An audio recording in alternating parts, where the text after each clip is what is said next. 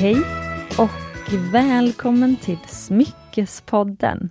Det här är podden där vi pratar om äkta smycken och ädelstenar på ett enkelt sätt och bryter normer som präglat ett annars ganska nej nu sa jag fel, som präglat en annars ganska strikt bransch.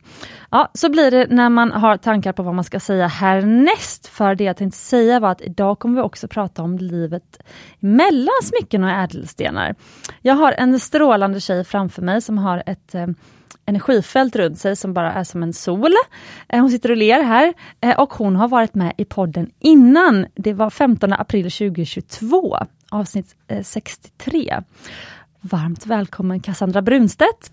Tusen, tusen tack. Gud vad kul att vara här igen. Ja, varmt välkommen. Sitter du bekvämt? Jag sitter jättebra, har nyss fått kaffe och vatten och eh, nej men jag känner bara så här, Åh vad härligt det var att få landa här med dig. Ja vad kul! Eh, och du har varit på ett spännande möte i stan mm. och eh, vi som bor på landet, när vi är inne i stan så passar vi på att ha fler möten.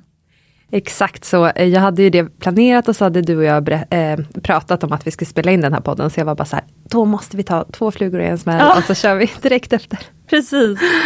Men äh, berätta, för att jag kallar ju dig för en stjärnförfattare. Wow. det gjorde jag förra gången med, då hade du inte släppt din boken. Vet du, jag måste säga det, det har jag sagt till dig tidigare, men du var ju, var, jag tyckte det var så konstigt hur du talade om mig, för att när du sa så här, liksom, du sa ju typ såhär, det här kommer bli en bästsäljare och sånt. Aha. Sådana ord och jag var helt såhär, nej men gud, alltså vad, vad, vad tror hon? Alltså det, det kommer absolut inte bli. Jag tänkte säga att jag har skrivit en ganska smal, typ spirituell roman. Eh, jag hoppades ju och trodde att den kanske skulle gå hyfsat bra, men jag trodde ju aldrig att det skulle gå så bra som det gick. Men du var väldigt, eh, det var märkligt med dig, att du verkligen var så här, nej men vadå, det här kommer ju bli liksom hur stort som helst. Och jag bara kände så här, nej men alltså, va? Ja, så, det är ändå luttigt. Ja. ja, men berätta då för den som inte lyssnat på eh, tidigare poddar med dig. Du har ju varit med inte bara i Smyckespodden nu, du har varit med i många poddar. Mm. Eh, och den som inte läser så om dig. Men vad är det som har hänt det senaste året? Ja, nej men det har hänt otroligt eh, mycket på massa olika plan såklart. Jag måste tänka för ett år sedan, då hade, hade min son fött. Nej, nej, nej, precis. Eh, han kom i augusti. Nej men först och främst, när vi pratade då var jag ganska höggravid och så mm. sen så skulle jag släppa min första bok då. Eh, och som jag sa så hade inte jag... Jag har alltid förväntningar om att jag tror att någonting eh, som jag har lagt mycket energi och kärlek på, att det ska tas emot och landa rätt. Jag har för mig att jag pratade om det sist också, det här med att de som läser den, ska, det ska landa på det sättet som jag ville när jag skrev. Mm. Och, och det var verkligen en, en stor förhoppning som jag såg framför mig. Men det som hände då när min bok kom ut, det var det var någonting som jag inte hade räknat med. Att, eh, men jag hamnade väldigt snabbt på sådana mm, topplistor över Sveriges eh, bäst eh, sålda böcker. Och sen så blev jag bara efter en månad nominerad till eh, årets feelgood. Och sen blev jag också en av finalisterna i årets feelgood.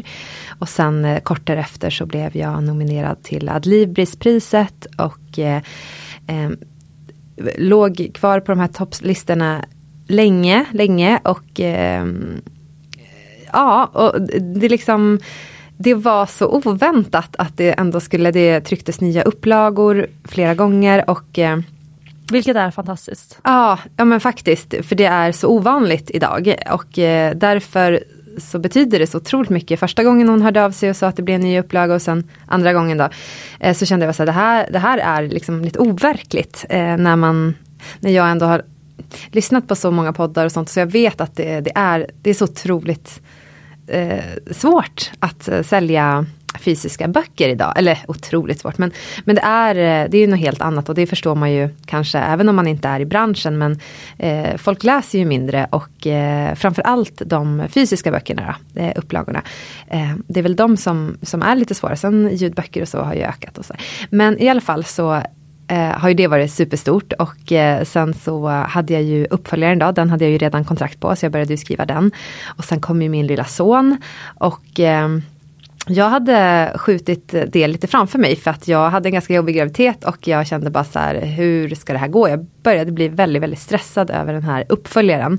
Mm. Eh, men som det har varit med de här historierna, eh, alltså jag har sagt i någon intervju att det känns som att jag kanaliserade ut den här tvåan, men de ligger ju i mig på något sätt. Så att sen när jag satt mig och skrev, eh, jag fick ju, min man brukade ta eh, barn, barnen tänkte jag säga, men barnet i alla fall, när jag var höggravid.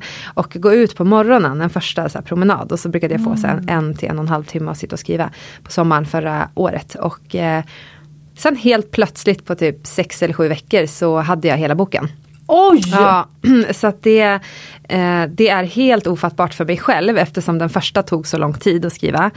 Eh, och, så jag har varit väldigt, eh, det har varit väldigt svårt för mig att kunna tänka mig att det jag har skrivit har varit bra nog för att jag känner att det har gått för snabbt. Mm. Processen har gått för snabbt. Eh, men det har varit så självklart. Det har varit som att jag skriver av ett dokument. Att jag, jag har satt mig ner och eh, öppnat datorn och sen har orden bara flödat. Jag har alltid sagt, eh, var med mig, hjälp mig att få ut det som ska liksom, komma till läsarna. Till, liksom, eftersom jag är spirituellt lagd så, så vill jag liksom ha med mig alla typer av energier och få ut det budskapet som ska ut. Men sen efter det så har jag aldrig tagit upp händerna och bara så här, vad ska jag skriva härnäst? Utan det har bara så här forsat ner, rent wow. ut sagt. Eh, så det har varit en otrolig kreativ eh, flow-process att få vara med om. För att parallellt, det kanske låter som att jag då har mått ganska bra och tagit hand om mig själv och så, men så har det inte varit utan det har varit alltså privat eh, en väldigt, väldigt utmanande och kämpig period med ja, men både den här eh, jobbiga graviditeten som jag hade med diverse fysiska eh, symptom och, och liksom psykiska, jag mådde ganska dåligt eh, både fysiskt och psykiskt. Och sen eh, den här ändå stressen i att behöva leverera direkt när du kommer hem från BB så, så vet du att du måste sätta dig och det här liksom ska in. Mm. Men det här blev min, alltså skrivandet blev min fristad i eh, det här måendet och i den första bebistiden som, ja den kan vara mysig och många tycker det, men för mig eh, jag har aldrig jag har aldrig varit den som tycker att den första spädbarnstiden är så åh vad mysigt och lulligt, utan jag har mått väldigt, eh, ja men så här, jag har haft mycket fysiska problem även efter förlossning. Det hade jag på min första också. Eh, det har tagit lång tid för mig att ens ta en promenad och sådana mm. saker. Så att, eh, att jag har ju känt mig nästan som att jag är fånge i min kropp och eh, mitt psyke är otroligt svajigt för att eh, eh, ja, jag inte kan träna, ta hand om mig själv på det sättet så som jag är van i mitt va van, vanliga vardagsliv. Eller man säger. Eh, så det har varit parallellt. Så skrivandet blev ändå, det blev kan man säga min träning. Jag brukar säga att min träning är min liksom, mirakelmedicin för att må bra. Och jag försöker liksom, få upp pulsen lite varje dag och då mår jag mycket, mycket bättre. Eller ta en promenad eller vad som helst. Men under den här tiden, då blev att få sätta sig vid datorn Eh, ofta kände jag när jag satt mig ner, så här, jag vill inte det här, jag känner motstånd, jag vill lägga mig ner framför tvn och bara slappa lite grann. Men när jag satt mig och det här flowet kom, Alltså när jag gick ifrån datorn varje gång så hade jag den här känslan som man har efter man har tränat. Det var bara som att jag flög fram och jag bara tog tillbaka min lilla pojke och bara så ja. hej min älskling. Och liksom solen bara, alltså det, är liksom, det var sån otroligt skifte mellan att jag inte hade fått skriva och att jag skriver. Så det här blev verkligen min typ av kreativ lilla oas eh, som jag mådde väldigt bra i att vara i, även om jag inte kände så eh, inför varje gång, så kände jag verkligen det under och efter eh, den här processen. Precis som man kan göra när man tränar, man kan ju känna så här, woho, nu är jag igång, nu är jag här ute och springer och så känner man att det känns bra och så efteråt så känns det ju fantastiskt. Så var det med skrivprocessen. Och det gick ju så snabbt och eh, gick verkligen undan eh, och då Ja, precis. Jag brottades jättemycket med att det här är inte bra nog. Det här har inte tagit lång tid nog. Det här, eh, det, här, det kan inte vara så här lätt. Eh, så. Mm. Ehm, och så hela hösten var ganska mycket, jag vet inte hur mycket jag har ältat det här. och var det så otroligt så här, ångestpåslag kopplat till att um, är det kvalitet som jag har gjort? Hur kunde det här, hur kunde det här bli så här lätt. Mm. Men, eh, och jag har inte vetat det förrän boken kom ut för att eh, det är inte någon som har läst den förutom min redaktör och min förläggare. Eh, och, men sen just det, då fick man ju som författare får man eh, bibliotekstjänst heter de, det är de första som recenserar böcker. De recenserar inte alla böcker ska jag säga, men de recenserar böcker som kan ha ett läsarintresse från folk. Men i alla fall, eh, den den recensionen är superviktig för den går alla bokhandlare och bibliotek efter när de tar in böcker. Vem, vilka är de här? Är det kändisar eller är det som sådana här hemliga krogtestare? Liksom? Ja det är nog mer hemliga krogtestare. Ah. Alltså det är, man kan få vem som helst, man får inte Aha. på något sätt påverka eller eh, så, så, man blir tilldelad en, en recensent helt enkelt. Och så läser den och så ger den dig ett betyg. Den, kan man fortfarande ändra då eller då är boken släppt? Då är den tryckt i ja. alla ex? Precis, nej, då har den bara kommit i en inlaga än så att de ah, läser okay. den digitalt. Eh, och eh, den här är som sagt superviktig för författare för att eh, det Ja, det är jättemånga som går efter det här betyget och mm. det är jättesvårt att få högt betyg. Så att eh, eh jag visste ju att eh, ja, men jag hade fått mycket bra då, som är fyra av fem på min En enkel till Indien som är super superbra. och jag bara kände så här, åh gud, hur kommer det här gå nu då? för den la jag ner så mycket mer tid på också. Ehm, så jag hade sån ångest inför eh, den här första recensionen. Och eh, när den kom, då släppte lite av den här otroliga prestationsångesten och nervositeten och som jag hade byggt upp under så lång tid och ältade hela tiden. Eh, och när jag fick eh, samma betyg på den här andra uppföljaren, då kände jag för första gången så här, okej, okay, ja, nej men det här blev den historien som skulle berättas. Den hade inte kunnat berättas på något annat sätt och det är så här den ska vara. Och nu slutar jag att vara på mig själv på det här sättet för att jag visste ju att den hade flowat ut ur ett eh, tillstånd av eh, total kreativ liksom, mm. eh, frihet.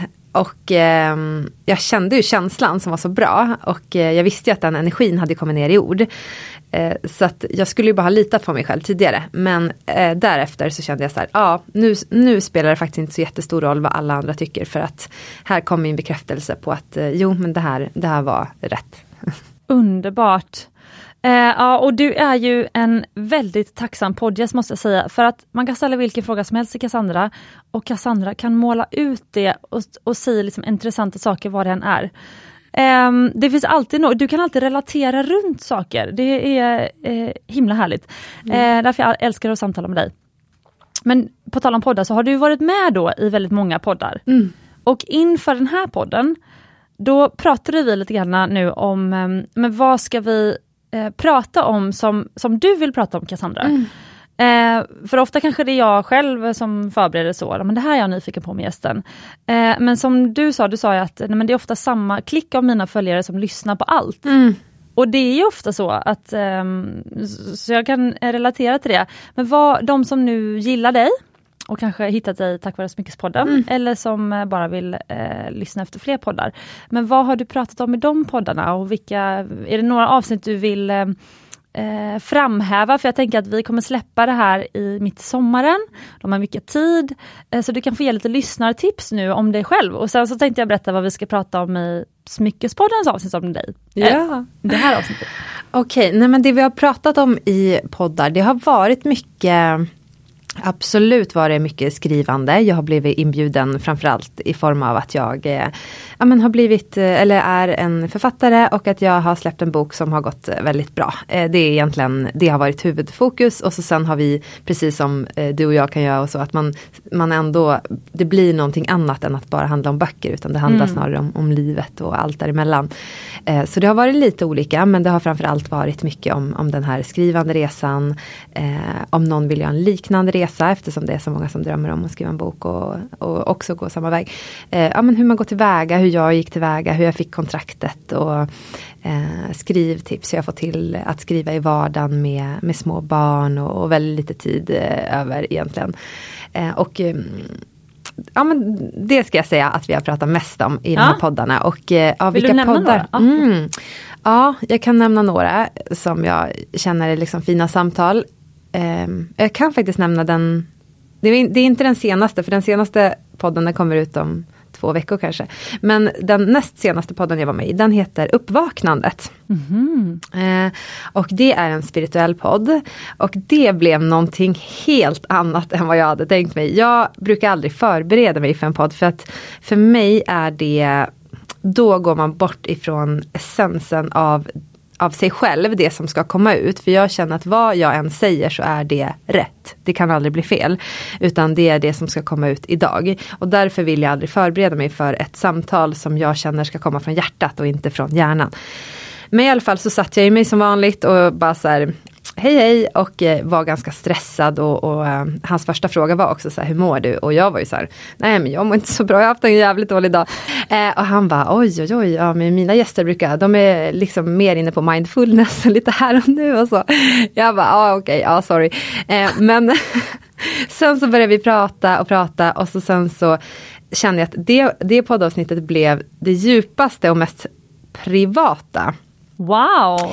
Eh, jag är faktiskt lite chockad för att jag kan vara personlig men jag brukar inte bli privat på det sättet att jag berättar om mina innersta känslor kopplad till andra personer och, och liksom mm. sådana saker om man säger så. Men vi kom ju ganska snabbt in på liksom familjeband och, och liksom min pappas död, vår relation och, och, liksom så, och till slut bara hör jag mig själv sitta och säga så här, saker som jag aldrig trodde att jag skulle säga. Eh, och det var ändå en um, dealbreaker för att jag gick runt en del liksom när han skulle klippa det här och lägga ut det och så tänkte jag så här, fan att, alltså att jag blandade in någon annan än mig själv. För att jag kan alltid prata om mig och mina känslor men jag vill inte jag vill inte prata om någon annan för jag tycker att alla äger sin egen historia och eh, ja, om du förstår vad jag menar. Mm. I det här fallet så handlar det om att jag pratar ganska mycket om min pappa. Då. Eh, han är ju död, ska ju mm. tilläggas. Men, eh, nej men att jag att jag säger, att jag hör mig själv säga att eh, jag har känt mig sviken av honom hela livet. Så säger jag. Och ehm, alltså det var så skönt att få säga det, för det är ju sanningen, det är så det har varit. Mm. Men ändå älskade jag min pappa väldigt mycket, även fast eh, liksom, vi inte hade någon nära relation så. Um, så, så har jag alltid älskat honom, som jag tror att många barn till föräldrar som, som det inte är en liksom, klockren uppväxt med, det gör man in i det sista, för det är ju den pappan jag har haft. Mm. Um, och det har funnits jättemycket hopp och förväntningar i den relationen som jag har hoppats på. Jag har alltid varit så här, oh. jag hoppas att det ska bli bättre och jag vill att det ska bli bättre och jag har försökt att det ska bli bättre. Eh, men sen blev det ju aldrig det och så dog han ju och då finns det mycket sorg i det som aldrig blev. Det som aldrig kommer kunna bli annorlunda framåt. Det som man har liksom som barn, det här lilla barnet, sett framför sig att så här, men som vuxna, då kanske det kommer funka bättre. Alltså så, nästa år, då kan, alltså, ja, det kan vara många sådana tankar man har. Och det var för mig en, ehm, en dealbreaker i form av att så här, ehm, för jag tror inte att man kan missa, jag har pratat väldigt många gånger om att min pappa dött och att eh, liksom, jag saknar honom, att det var en stor sorg när han dog och så. Men jag har inte öppnat upp om, om vår relation innan. Eh, men för mig var det ändå så här, det är viktigt att vara ärlig för att familj familj, eh, som jag brukar säga till min bästa kompis, det är superkomplicerat. Det är vuxna människor med ett helt bagage, med ett helt liv, som ska bo under samma tak. Det är det är nästan alltid i alla fall komplicerat. Det är inte så svart och vitt så att man kan säga så här, jag har världens bästa mamma eller pappa och hon finns alltid där och jag, alltså så här, det, det är mer komplext än så. Och eh, det, men tyckte ändå att det var, först hade jag ångest för att jag liksom på något sätt eh, för blottade jag kände, honom? Ja, blottade honom och ändå när jag ändå har så stark kärlek för honom att jag sa sådana ord. Eh, mm. För jag, det jag tycker är fint när man vågar göra det, mm. det är att alla vi, alltså jag som sitter och lyssnar på dig nu och jag tror han också och även poddlyssnarna. Väldigt många förstår kärleken du känner och man förstår också eh, känslan av svikenhet mm. eller att ha mm. blivit sviken. Eh, men det förminskar ju inte kärleken du hade Nej. för honom. Och det, ja, precis som du litar på, men du har ju väldigt stor tilltro ja. till eh, livet och till, mm. och till människor, till dig själv och så mm. vidare. Alltså så, och den tilltron när du är trygg med det, för på ett sätt du hade kunnat säga till honom, jag vill att du klipper bort det. Ja, verkligen. Men det är nästan fint att du inte gjorde det, att du känner mm. tilltro till att vi, ni som lyssnar på det här avsnittet, vi som lyssnar, vi kommer förstå det du mm. menade. Ja, och jag landade i det att, eh, nu hade jag kanske inte sagt det om han var i livet, eh, men ändå att eh, det var så skönt för mig ändå att få vara 100% ärlig. Mm. För att eh, om man ska prata om någonting och så utesluter man massa saker, så blir det ändå platt. Eh, mm. det måste på något sätt få de här andra komponenterna för att man ska kunna förstå helheten. Så att, nej men det, det var ändå ett sånt avsnitt så jag kände så här, gud vad säger jag och vad blir det här? Men ändå någon form av så före och efter. För framåt så känner jag ändå att eh, det behövs att jag eh, eh, om jag ska vara med i sådana här sammanhang så vill jag kunna prata fritt från hjärtat som om du och jag sitter och snackar utan att kamerorna är på. Och för mig blir det äkta och då kanske någon kan relatera och kanske få ut något av avsnittet. Och det är det enda jag så.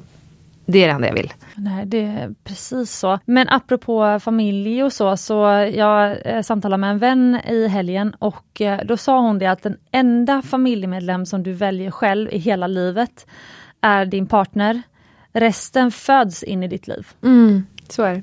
Och då ingår ju det att alltså, man föds ju in med alla sina sidor, alla familjemedlemmar. Mm, ja, och, och det är eh, Ehm, för mig betyder familj otroligt mycket. Jag är väldigt familjeorienterad och eh, sätter så otroligt högt värde på familjen. Men ändå så är det komplicerat och det är inte lätt. Och det är någonting, det är relationer som man behöver vårda precis som med vänner och man behöver ge och man behöver ta hela tiden. Så det är ju ja, så kan jag säga. Det, det, och, och, så är det som jag sa i den där podden, jag säger att jag har fått en bättre relation med pappa efter döden än i livet. Mm. Och så känner jag ju otroligt starkt att eh, vi har ju en otroligt fin kontakt idag.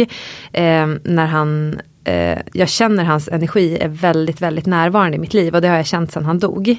Och det är ingenting som jag kan gå, ta miste om utan för mig är det 100% sanning att han är närvarande i mitt liv och jag känner en eh, connection och jag känner en kommunikation mellan oss, även om han inte kommer att prata med mig så fysiskt så, så känner jag att vi hela tiden kan kommunicera och eh, jag pratar med han Alltså jag säger nästan dagligen, jag kan säga du vet om jag ska parkera här i Stockholm så här, snälla pappa kan du se om du hittar någon parkering och så här, visa mig. Och så du vet om Klint vaknar i vagnen så bara, kan du ta det där och så bara så här somnar han om. Jag, bara, jag, ska, jag håller på att tömma disken här. eh, nej men så att, men det är det, mänskligt. Ja, och det, det är väldigt skönt, den tryggheten i att jag känner så här Eh, ja, eh, den, den är bättre nu, relationen, än vad den var i livet. Det är eh, oh. jätte, jättefint och jag känner att jag är helt läkt och det är kanske är därför jag kan prata om det. För förut har jag känt både skuld och skam av att säga sådana saker. Eh, och jag har känt ehm, ja, men känner så otroligt dåligt samvete gentemot eh, som pappa men också av eh, släktingar som kan höra det här då, eh, i någon form. Men, men det här är ju min verklighet och mitt liv och jag pratar ju ur mitt perspektiv hela tiden. Eh, och min resa och så. Så att, eh, då känner jag att så här, nej men jag, har, jag, jag är helt, helt färdigläkt. Jag känner mig inte besviken på min pappa för fem öre. Jag gjorde det i livet och den relationen vi hade då. Eh, och eh, på grund av att eh, det återupprepade gånger blev aldrig så som han sa att det skulle bli. Mm. Eh, och jag kunde aldrig lita på någonting. Men i, efter döden så känner jag att jag 100% kan lita på min pappa. Han finns ju där för mig hela, hela tiden. Och mm. den närvaron är superstark. Så att eh, just nu har jag noll eh, hard feelings eller känner bara så enorm kärlek eh, till honom. Mm. Och vet precis hur du vill vara mot dina barn? Kanske? Mm, verkligen. Um, men för när, när vi släpper det här avsnittet, när du som lyssnar lyssnar, då har vi släppt ett avsnitt som eh, har titeln någonting i stil med Smycken som talismaner. Och det var ett, alltså jag lyssnade faktiskt på det nu innan vi skulle spela in det här för att nu ska jag precis eh, klippa det och så, vi ska släppa det nu den här veckan. Eh, och jag älskade det avsnittet. Eh, och eh, apropå alltså, andlighet, spiritualitet och så vidare. Hur ser du på talismaner? Eller, och vad är talismaner för dig? Mm, och, och då menar man sy symboler? Alltså, ja precis, det är äh. en bra fråga för att vi definierar det även i, i det avsnittet. för det, det, Man kan undra vad det är. Ja. Men det är precis, det är symboler som du använder för att eh, stärka dig själv på olika mm. sätt. Och smycken ja. just som man bär mm. kan ju vara en sån. Eller många smycken blir ju ens talismaner. Nej men jag relaterar oerhört starkt med det med tanke på att eh, vi hade ju en liten sån livesändning du och jag och då mm. eh, hann jag komma in på det här lite grann. Eh, den var lite kortare men eh, för det mig... Det var på Instagram ska jag säga till era lyssnare. Ja precis och, och då hann jag komma in på det men för mig är ju smycken det är ju 100% energi, precis som allt annat. Eh, precis som jag är 100% energi och liksom hela det här rummet, allt vi ser och kan ta på och så. Men eh, som vibrerar på olika frekvenser kan man säga. Eh, det kan, jag kan se fina smycken men som inte tilltalar mig i min frekvens som jag känner att är för mig. Mm. Eh, så för mig är det väldigt viktigt att det känns ehm, eh, Energin känns som att jag ska bära det och då kan jag bli så här, jag måste ha det där eh, smycket. Och så känner jag ju otroligt mycket för min, eh, ja men den ringen som jag, eh, eh som du har gjort till mig. Just det. Nu ska jag börja filma lite här då. Jag ska mm. lägga ut på Instagram. Vad fint. Ja, du kan fortsätta prata Cassandra. Det kan ja, hamna på film. Precis.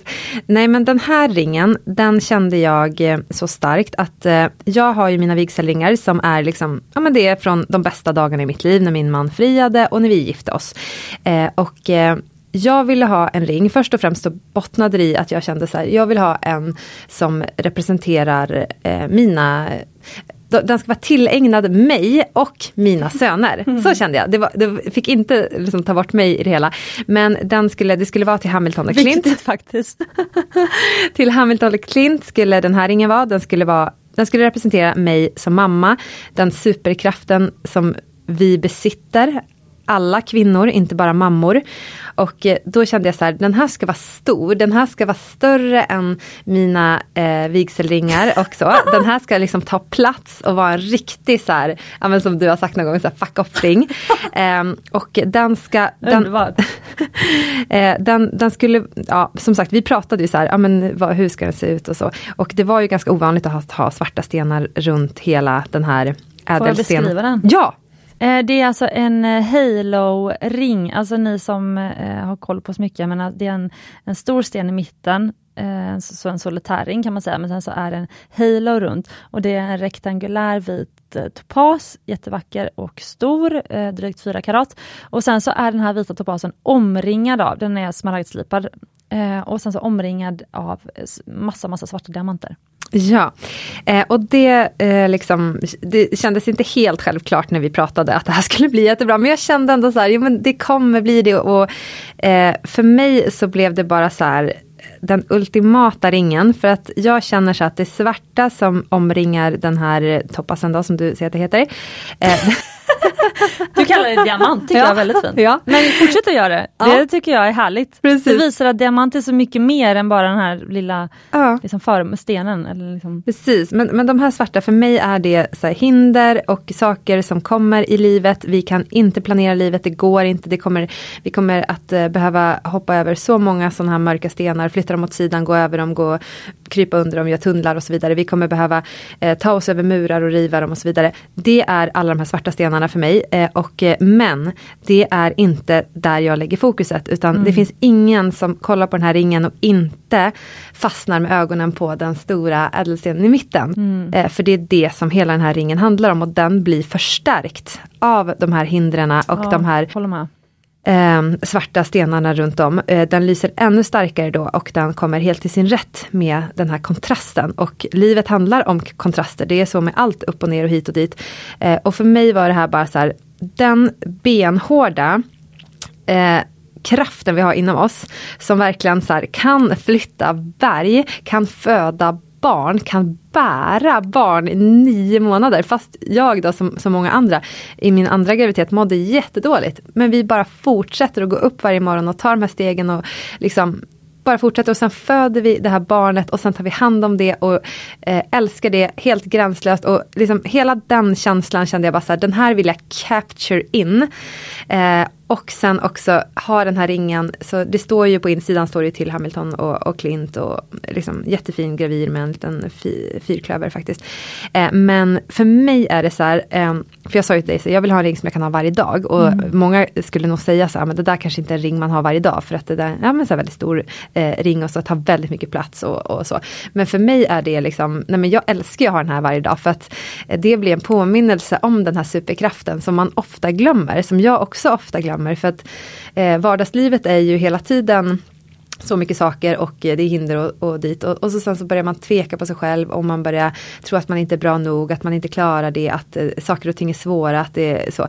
Men jag behöver bara så en blick på den här ringen ja. och så känner jag så här, Alltså så här, nej, det finns fan ingenting jag inte kan göra. Jag kan göra det här, jag kan göra det här, jag kan göra det här. Och så bara så här, try me för att eh, nej, nu kör vi. Den känslan. Eh. Så coolt och det här är ju, alltså, det är ju drömmen att höra om ett smycke. Mm. Alltså för en smyckesdesigner. Eller, ja. alltså det, är ju, det, det, är precis det här som är meningen med smycken. Tycker jag. Det tycker faktiskt jag också. För att jag känner så här, eh, om det betyder någonting eh, då kommer, alltså det här med jag sa med energin, det kanske är svårt att relatera till om det står ett skyltfönster och så känner du men vad, vad menar hon med det? Men, men om någonting, om du älskar någon person som du älskar ditt barn, då får, du känner ju dagligen att du får så otroligt mycket energi tillbaka. Mm. Och så, alltså för mig funkar det så med saker och symboler också. Om jag ger den här eh, ringen den här betydelsen för mig. Om jag liksom kollar på den och älskar det jag ser och känner i mitt hjärta att jag får något tillbaka. Så fylls den på med energi. Alltså jag lägger min energi i den och får det tillbaka. Ja. Eh, så, så funkar det för mig i alla fall. Och, eh, nej, men, så jag är super super glad över den och den betyder jättemycket för mig. Och jag har ju så med, med andra saker också som jag tycker är superviktiga. Eh, ja, men så här, Eh, bara att jag samlar på fyrklöver och sånt och, och pressar dem och har dem i böcker och så här. Och att jag kan gå och kolla på dem. Och att jag, eh, så att jag, jag gillar ju symboler och eh, vägleds framåt av dem. Så att det här är ett sätt för mig att kunna vägledas varje dag. Jättefint. För att eh, jag har ju inte sagt det ännu, eh, vi har bara rush, ruschat in här, men dina två första böcker som du har släppt nu och som har blivit bästsäljare eh, och som jag har röstat på nu, din uppföljare röstar jag ju på att det skulle bli årets feelgood. Så vi har inte wow. fått resultatet än. Nej, nej. Men den första första heter En enkel till Indien och den andra heter Lyckliga gatan tur och retur. Och nu har du också släppt, eller när, efter sommaren yeah. nu, så ska du släppa din tredje bok som är en fackbok. Ja, så den har jag skrivit tillsammans med en medförfattare som heter Theresia Franklin. Så att vi skrev eh, Lyckomanualen, då heter den. Mm. Eh, vi hade först eh, ett magasin ihop som heter Mother och där började vi med en artikelserie som hette Lyckomanualen. Eh, och där började vi att eh, vi gjorde intervjuer helt enkelt med psykologer, läkare och eh, gick igenom olika ämnen inom modern lyckopsykologi som kan göra en lyckligare i livet. Eh, och vi insåg nummer efter nummer efter nummer att eh, det här blev våra mest lästa artiklar hela tiden. Eh, och då började vi att tänka så här, vad ska vi hitta på av det här? Ska man göra en kurs eller ska man göra en workshop? Eller ganska snart så landade vi att vi ska skriva en bok. ja, och, och Mother är ju ett online-magasin ska man säga. Ja, ja precis. Eh, som kommer direkt till ens, sin inkorg. Mm. Så den som lyssnar nu och vill eh, prenumerera, hur gör den? Precis, man kan bara gå in på mother.se faktiskt. Eh, och där hittar man också, nu har vi släppt alla artiklar så de finns också att läsa digitalt i, eh, på hemsidan. Så det är en helt gratis tidning, fantastiskt. Och eh, den heter Mother fast utan E. Mm. Ja men precis, det är jättebra. Mm. Eh, nej men och eh, då så hade vi ganska mycket material redan för att vi hade ju de här eh, artiklarna. Så vi satt ganska snabbt ihop dem och så hade vi det man kallar för ett synopsis som man kan skicka in till bokförlag. Eh, och skickade in den, eh, att vi hade satt samman de här artiklarna och sen så ganska snabbt så fick vi svar att eh, eh ett förlag ville eh, ge ut den här då och eh, på den vägen är det. Och sen har vi intervjuat lyckoexperter från exakt hela världen tror jag. Eh, så vi har gjort väldigt många intervjuer på engelska då, och eh, det har varit det har varit jättespännande. Det har verkligen varit så roligt att få göra research inom det här ämnet. Eh, så vi har ju plöjt oändligt mycket eh, lyckoforskningsartiklar. Och vi har läst massa böcker och så har vi träffat de här superexperterna som, ja men det kan verkligen vara allt ifrån psykologer till läkare till eh, mm, eh, psykologer till läkare till ja. Färgexperter. Sara ja. Garanti intervjuade ja. ni till. Hon, eh, hon är faktiskt med. Ja hon var ju med i podden också. Ja, hon, är, hon är färgexpert. Hon är med i ett kapitel som handlar om hur man blir lyckligare i sitt hem. Eh, och då eh, har vi med lite grann om färgpsykologi som också är superintressant. Så att, eh, ja men precis, det kan vara verkligen eh, en sån person också som bara är expert inom sitt område. Så vi har faktiskt intervjuat väldigt många personer till den här. Eh, och sen så blev ju det en helhet och så sen har det blivit en bok då, som kom ut eh, 30 augusti. För jag tänkte då att vi, jag vill ju bjuda lyssnaren på din härliga energi. Och det är ju, alltså det som vi väl vet om lycka, fråga till dig. Eh, men eh, det, mitt, eh, min fråga till dig är, mitt antagande är, man kan skapa lycka till sig själv? Ja, Eller? absolut. Det är så här att vi har en viss eh, typ av lycka som kommer via eh, genetik helt enkelt. Alltså vi är olika hur vi kan uppfatta det till en viss grad. Mm. Men eh, vi brukar säga att om man har en cirkel eh, så är det eh, eh, 50 det är genetik. 10% är ungefär eh, ja, men, eh, omständigheter kan man säga, hur du har växt upp och så vidare. Men sen har vi 40% som är en otroligt stor del av kakan. Det är allt vad du kan påverka själv och vad du kan göra för att bli lyckligare i ditt liv här och nu. Så det är ju nästan 50 är eh, det du själv kan göra och eh, med väldigt små medel. Och jag tycker att en bra sak att, att utgå ifrån det är att vi matas ganska mycket av så här, men tänk positivt. Det är väldigt svårt att påverka det man tänker på eftersom vi har ungefär 70 000 tankar om dagen. Så, så kan det vara ganska svårt att de här poppar ju som popcorn och de kommer upp när man minst anar det. Och eh, jag tycker inte man ska börja där utan jag tycker att man ska börja med att göra positivt. För när du börjar göra så kommer tankarna och känslorna med på köpet. Eh, så nummer ett, att börja faktiskt att se lycka som någonting som du inte ska tänka bort ifrån och ersätta med någonting annat.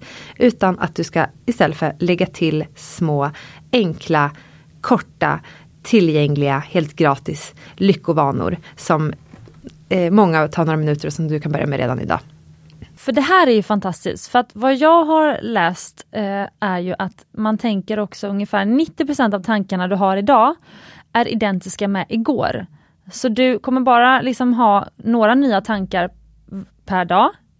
Eh, och så om man då är van, om man kanske är i ett deppigt mönster, då kanske man inte heller ska eh, ha så bråttom till att inte tänka deppiga tankar alls, utan genom att göra något nytt varje dag, då får man några nya tankar varje dag och tids nog så har liksom man raderat ut dem som var för länge sedan. Mm.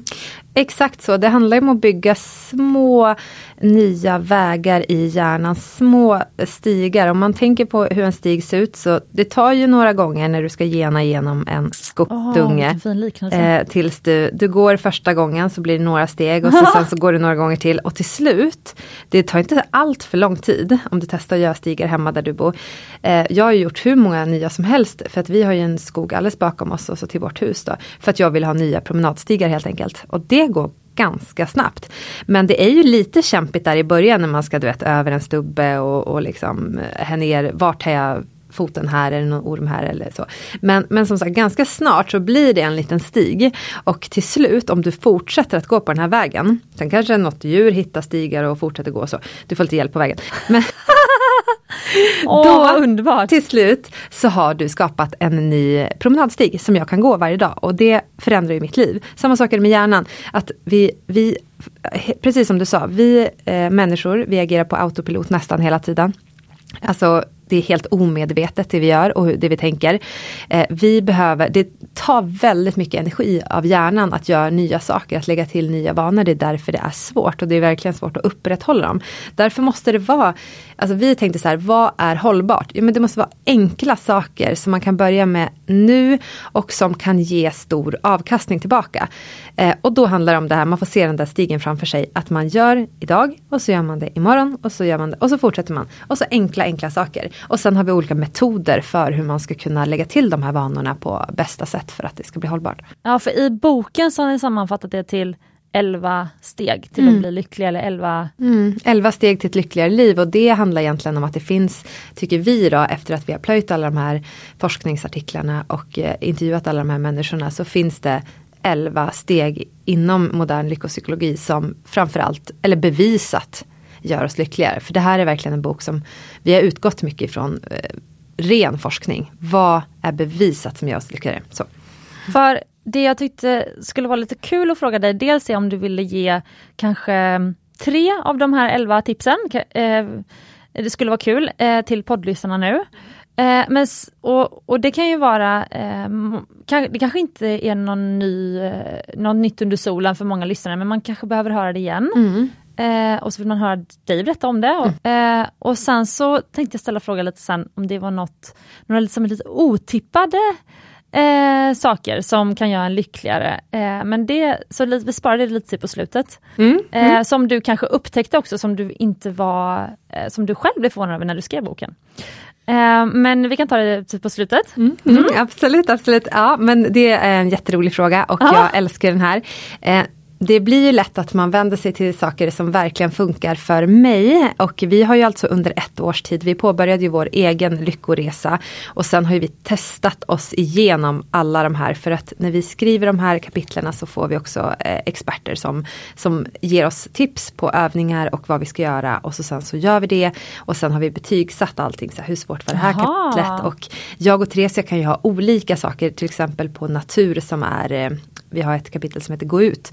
Eh, som handlar om att vara i grönområden och ta sig ut eh, till naturen helt enkelt. Då kan vi ha olika. Att jag till exempel ska eh, börja ta en promenad i skogen varje dag. Hon ska göra någonting annat. Eh, så man gör det som passar i sitt liv och därför är det väldigt viktigt också i den här boken eh, att Eh, min resa är inte någon annans resa. Eh, utan vi har olika saker som vi anser vara viktiga. Vi kanske har olika förutsättningar. Någon bor i stan, någon bor på landet.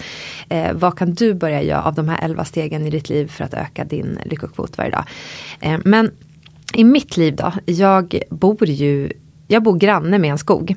Eh, och jag älskar att vara i skogen, så det gjorde jag redan innan. Men det man kan se i lyckopsykologi, bara genom att ha ett grönområde utanför ditt fönster, så blir du lyckligare. Alltså bara, till exempel under pandemin, så såg man ju att människor som hade grönområde utanför sitt fönster och kunde se ut, mådde bättre än de som inte hade det.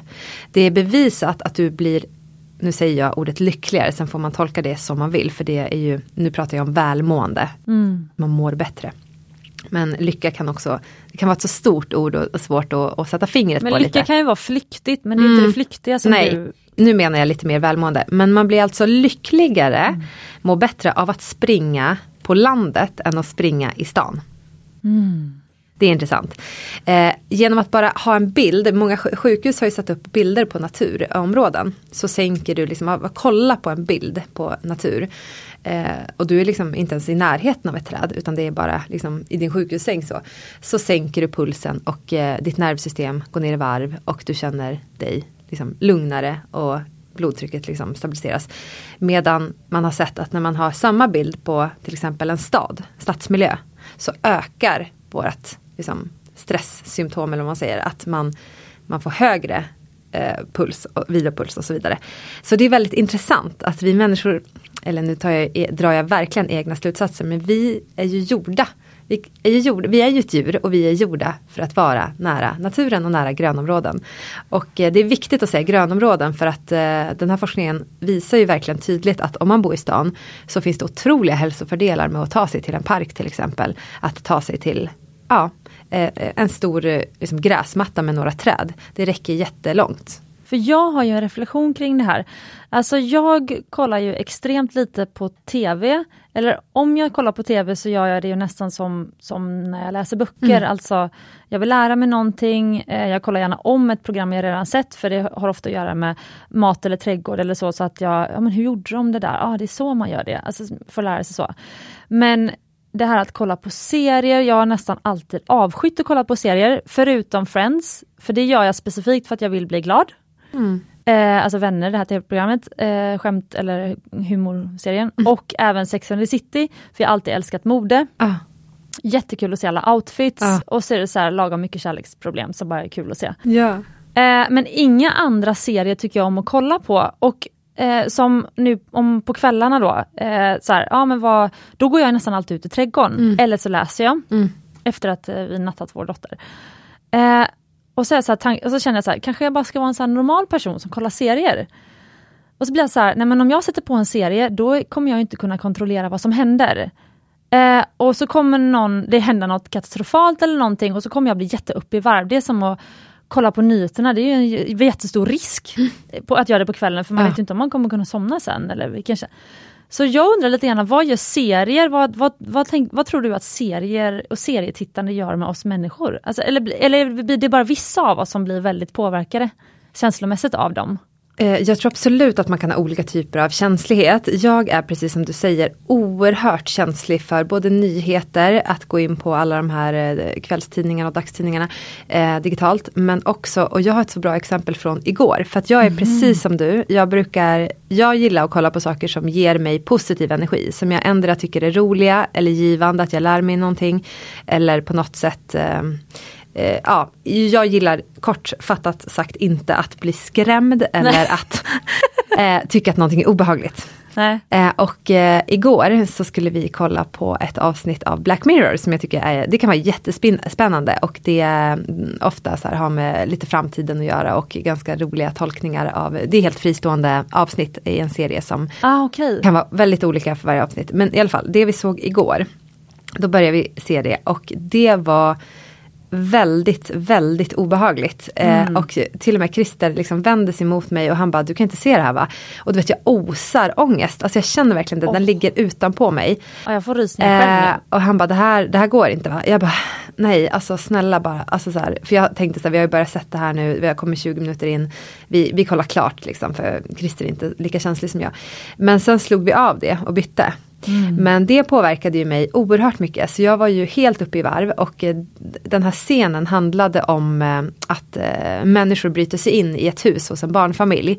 Och ja, du kan ju tänka att det, det slutar inte lyckligt i alla fall. Och så sitter man där i ett hus med sin barnfamilj och sina barn och har nyss sett den här scenen och den man brukar ju säga att hjärnan gör ingen skillnad av en visualisering och verklighet. Utan Nej det Nej du... det är ju OS, alltså OS-stjärnor har ju redan vunnit guld i sitt huvud innan de vinner ja, på riktigt. Precis och så starkt är det och därför kan man jobba väldigt mycket och väldigt lätt med visualisering. Eh, när man ser en serie eller ser en film, då har man ju fått den. Den är ju alltså Den är serverad. Den är serverad, här kommer den och jag hade ju ganska enkelt efter det här, även fast vi avslutade, att se framför mig att eh, ja nu är det kväll. Tänk om jag som han då i filmen vaknar upp, han hörde ju några ljud i vardagsrummet, kommer ner och så har människor bröt sig in. Ja. Och eh, ganska snart så, så spårar ju det där ur.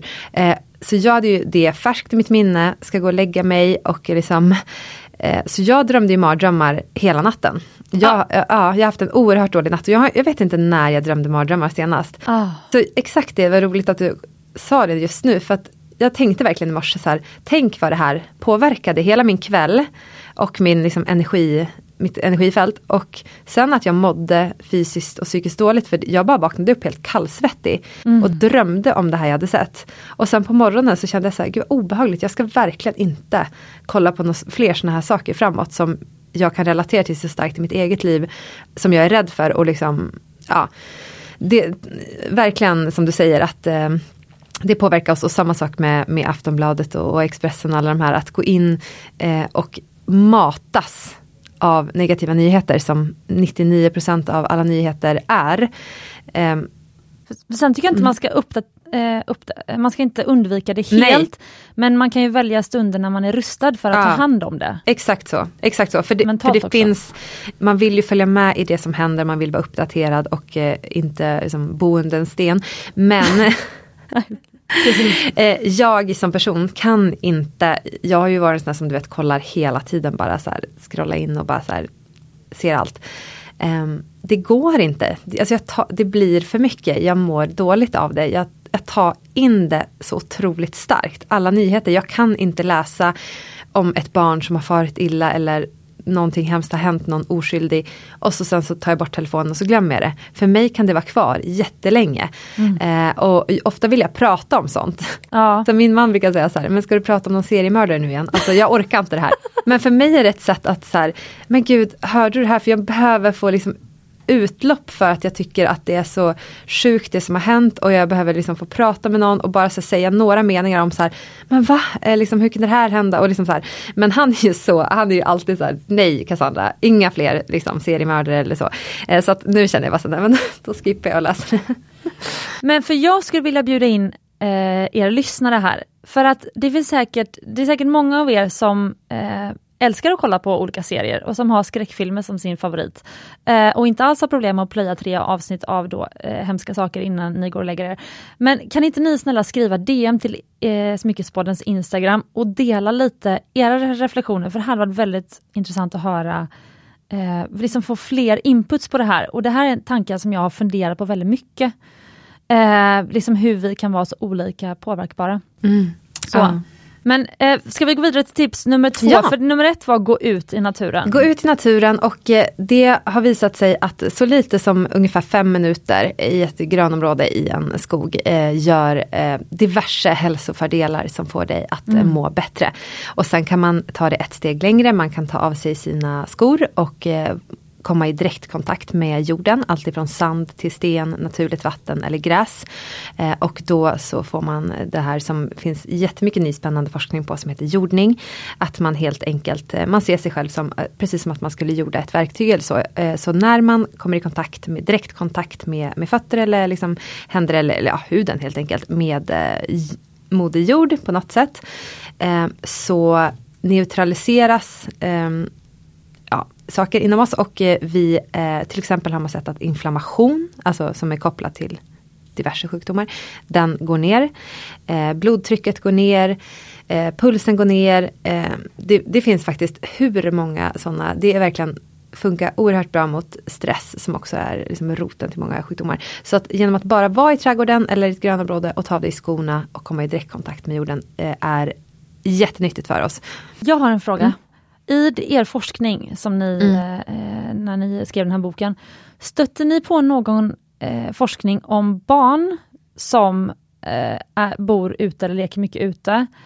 Eh, om de ehm, Alltså om de har färre allergier till exempel. Eh, Det där har vi inte med i boken men jag har läst ganska mycket om det där för att just att jag hade ju otroligt mycket, all- jag har ju haft allergier i hela mitt liv. Och när jag flyttade till, eh, till landet då 2011 så försvann ju jättemycket av mina allergier. Vi har ju till och med katt idag. Jag har ju aldrig ens kunnat liksom Oj! det ja, så jag skaffade ju katt efter det för att de hade försvunnit så otroligt mycket mina allergier ge- genom att vi flyttade ut. Och jag var ju helt säker på att det hade en stor inverkan på att jag bodde i Stockholm city innan. Och sen så eh, flyttade jag ut till landet eh, där det var en helt annan miljö och så. Så att jag personligen är ju helt eh, övertygad om att eh, så är fallet. Eh, och eh, ja, som sagt, vi kunde skaffa pälsdjur och eh, eh, allt möjligt. Min pollenallergi var, jag har ju alltid ätit kortis, rent kortison tidigare som är det liksom det starkaste man kan ta. Så att, behöver inte ha någon medicin eller så. Ehm, mm, men det är intressant. Och tre, tips, eller Mm. tips nummer tre. Precis, eh, fick jag ett nummer två? Ja, Ja, just det. var jord. inte det Ja. direktkontakt med jorden? Jo, den, eh, den kan också komma med. Jo men sen, eh, ja, men jag brukar säga att mitt eh, lyckopiller nummer ett, det är eh, fysisk aktivitet av något slag. Det här vet ju många redan om, men man vet inte hur lite som krävs. Jag tror fortfarande att man tänker så här, det behöver vara eh, i alla fall en halvtimme och eh, det behöver vara supersvettigt. Nej, alltså bara genom att sätta på tre låtar och dansa, fuldansa i vardagsrummet så får du massa hälsofördelar på köpet. Eh, det är bra att eh, det här blir en återupprepande vana att göra lite varje dag. Vi brukar säga att men, försök att få upp pulsen lite grann varje dag. Jag själv träna, liksom, kan träna 10 minuter och som jag har sagt till dig, jag kan springa upp och ner för en backe hemma, jag kan eh, köra lite styrkeövningar i vardagsrummet. Det, jag tar mig aldrig, jag behöver inte ta mig till ett gym. Det är klart man kan köpa hem hantlar och sådana saker. Men eh, alltså att sänka ribban så oerhört mycket från det du tror är rätt väg att gå när det gäller träning. Och om du inte ska liksom, uppnå vissa resultat utan att du verkligen gör det för att må bra i din vardag och må så bra du bara kan. Eh, så se kroppen som någonting, ett verktyg som om du ger den lite grann så kommer du få tusenfall tillbaka. Och det här är verkligen en sån sak. Sen kommer ju såklart kost in och sånt som vi också har med i, i Lyckomanualen. Men eh, att eh, försöka se fysisk aktivitet och jag säger verkligen det istället för träning av en orsak. Och det är för att allt, allt räknas. Och det är inte vad du gör utan att du gör. Och det handlar egentligen hela Lyckomanualen om. Att börja göra. Precis. Och jag vill ändå säga eh, det här, eh, du har pratat lite grann om det eh, när jag var hemma hos dig. Eh, men eh, jag är ju utbildad PT också. Eh, och sen så jobbade jag väl bara som PT typ ett halvår. Eh, men det är ju, jag älskar det temat så, och prata om det och lära mig mer och så vidare. Eh, och hur det kan förändra människors liv. Ja. Men det jag tycker är den stora sorgen är att inom, det är lite som att inom hemkunskap så lär du dig faktiskt inte riktigt laga mat. För vi så, alla har vi gått hemkunskap på skolan, men det finns så många människor som fortfarande inte anser att de kan laga mat. Och jag själv tycker att jag lärde mig laga mat när jag var typ 27. Mm. Samma sak med idrotten i skolan, den lär oss inte hur vi tränar våra muskler. Och från att vi är 30 år gamla så börjar våra muskler förtvina.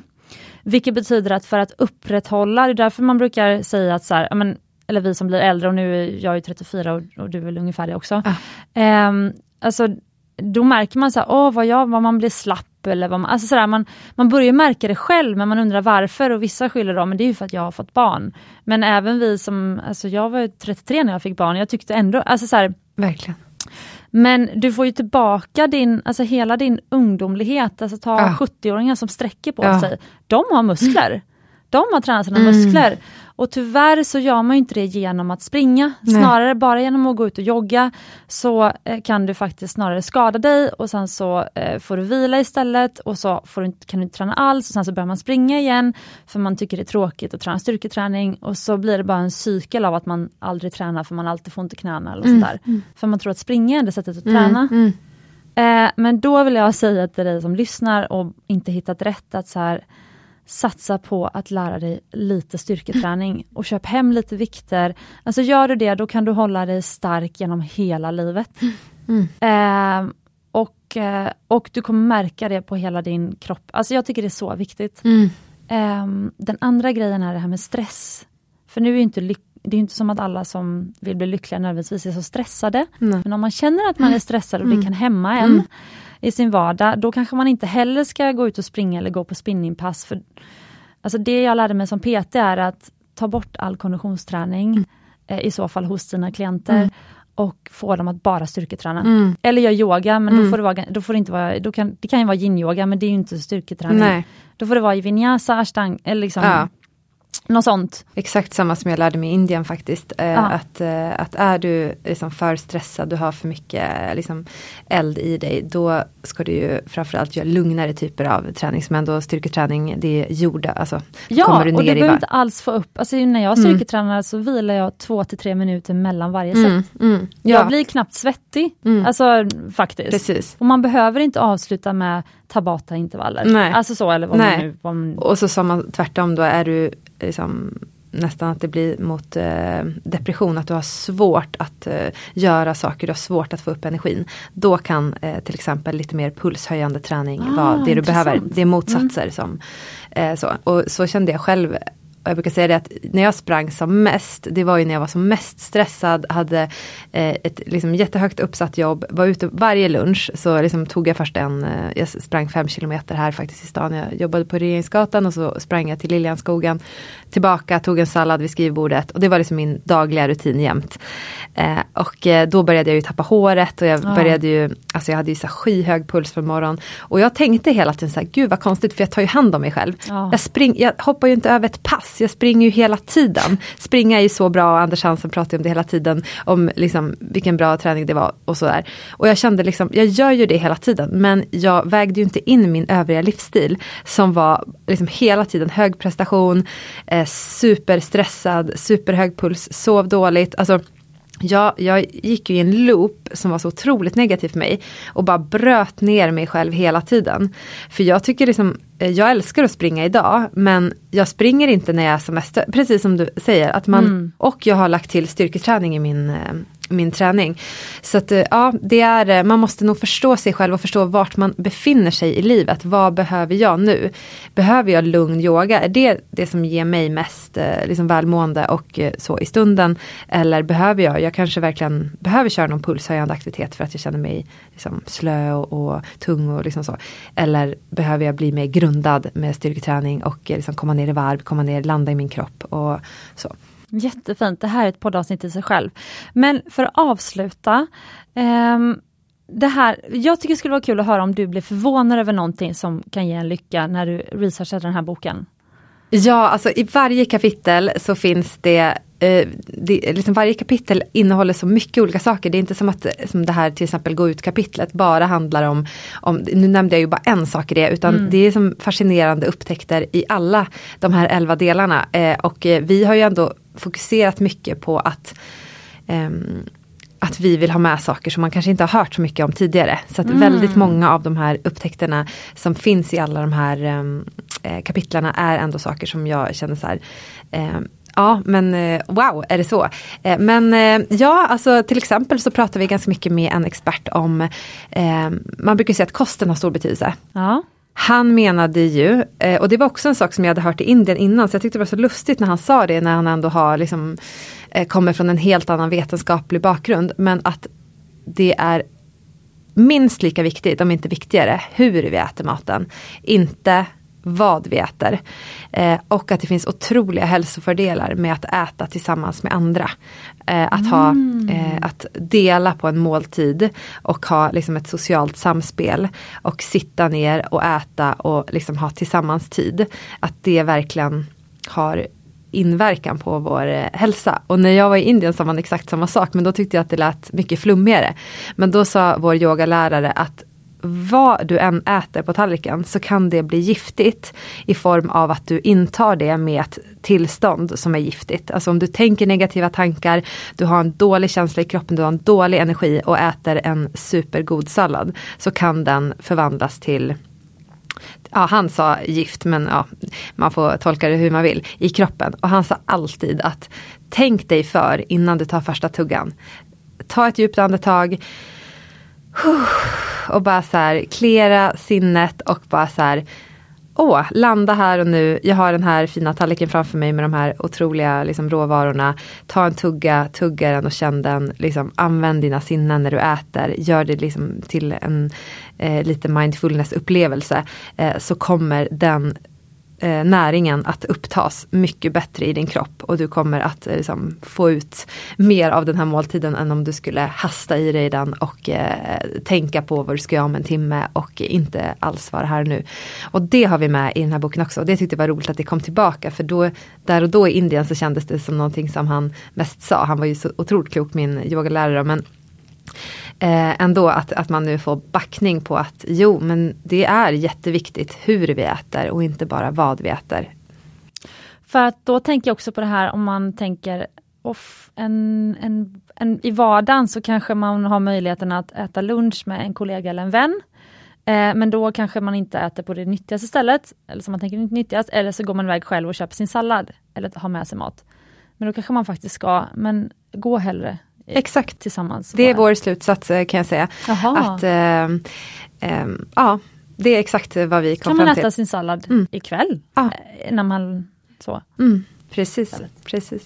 Nej, men så, att, så att det finns otroligt mycket sådana eh, saker som bara han, handlar om att skifta ett, eh, sitt medvetande och bara så här, tänka större. Och, ehm, mm, eh, så det, det, är, den är fullproppad med sådana små roliga må bra-tips och eh, olika sätt som man kan tänka på på nya sätt. Och jag tänker bara som en sån sak som tillsammanstid, alltså att man, det är ju verkligen någonting som visar eh, att det har jättestor koppling till vår upplevda lycka, alltså våra relationer. Mm. Eh, och att eh, spendera tid tillsammans med andra. Eh, så att, eh, att kombinera att äta tillsammans med goda vänner och göra det som en tillsammanstid, det är, det är viktigt. Kul. Ja, tack så jättemycket för att du tog dig tid i hektiska junischemat som vi alla har. Korta veckor, mycket på helgerna och mycket på, på jobbet. Så tack för att du tog dig tid. Ja men det var en stor ära att få vara med. Jättekul. Finns det något som du vill skicka med lyssnaren som kanske, kanske är i juli vi släpper här eller första veckan i augusti, jag vet inte riktigt än. Mm. Ja, nu bara säger jag det första som kommer, men mm. eh, för det hann jag inte komma in på. Men det här med vila och återhämtning. Jag tänker att eh, man har så mycket förväntningar inför semestern och eh, det har jag också fast jag har två jättesmå barn. Och jag tänker så här, snart, snart så kommer jag du vet, få liksom, återhämta mig och vila och så. Men vila och återhämtning det är inte den här semestern du åker till. Det är mm. tyvärr inte ens de här veckorna om man har flera i rad. Det är inte att åka till ett spa på helgen. Utan vila och återhämtning. Det måste, precis som jag nämnde med den här träningen, att man behöver få upp pulsen lite varje dag. För att må så bra som möjligt. Så måste man ha utrymme för vila och återhämtning i sitt liv. För att må bra och inte konstant gå på liksom, höga kortisolnivåer eh, mm. och vara så stressad som, som man ofta känner sig. Eh, så hur mycket förväntningar man än har och att det ska bli så härligt och så, så kom ihåg det till hösten att det, det går inte att, att vila under semestern och så sen kommer man eh, tillbaka i augusti och så ska man köra på. Och, för det är inte hållbart i längden. Så att, försök istället att hitta små små vanor som funkar för dig ska jag säga. För det kan vara allt ifrån meditation till eh, mindfulness till att man eh, optimerar sovrummet för sin sömn och, och, försöker gå och lägga sig tidigt på kvällarna. Och, ja, det, det kan se helt olika ut beroende på vilket liv man lever men i tiderna som vi lever i just nu så är det det som jag känner är det som budskapet som ska fram både till mig och till alla som lyssnar. Jättefint. Super. Och med de orden så eh, vill jag att du planerar in något härligt för dig själv, kanske tillsammans med någon annan och så önskar alltså du som lyssnar och även du Cassandra förstås. Eh, och med det så önskar vi er en fortsatt härlig sommar och glöm inte att du är värd eh, att ta hand om dig själv eh, och bära äkta smycken eh, så många du vill. Det tycker jag var en bra avslutning. Tusen tack och ha en härlig sommar. Ja, härligt!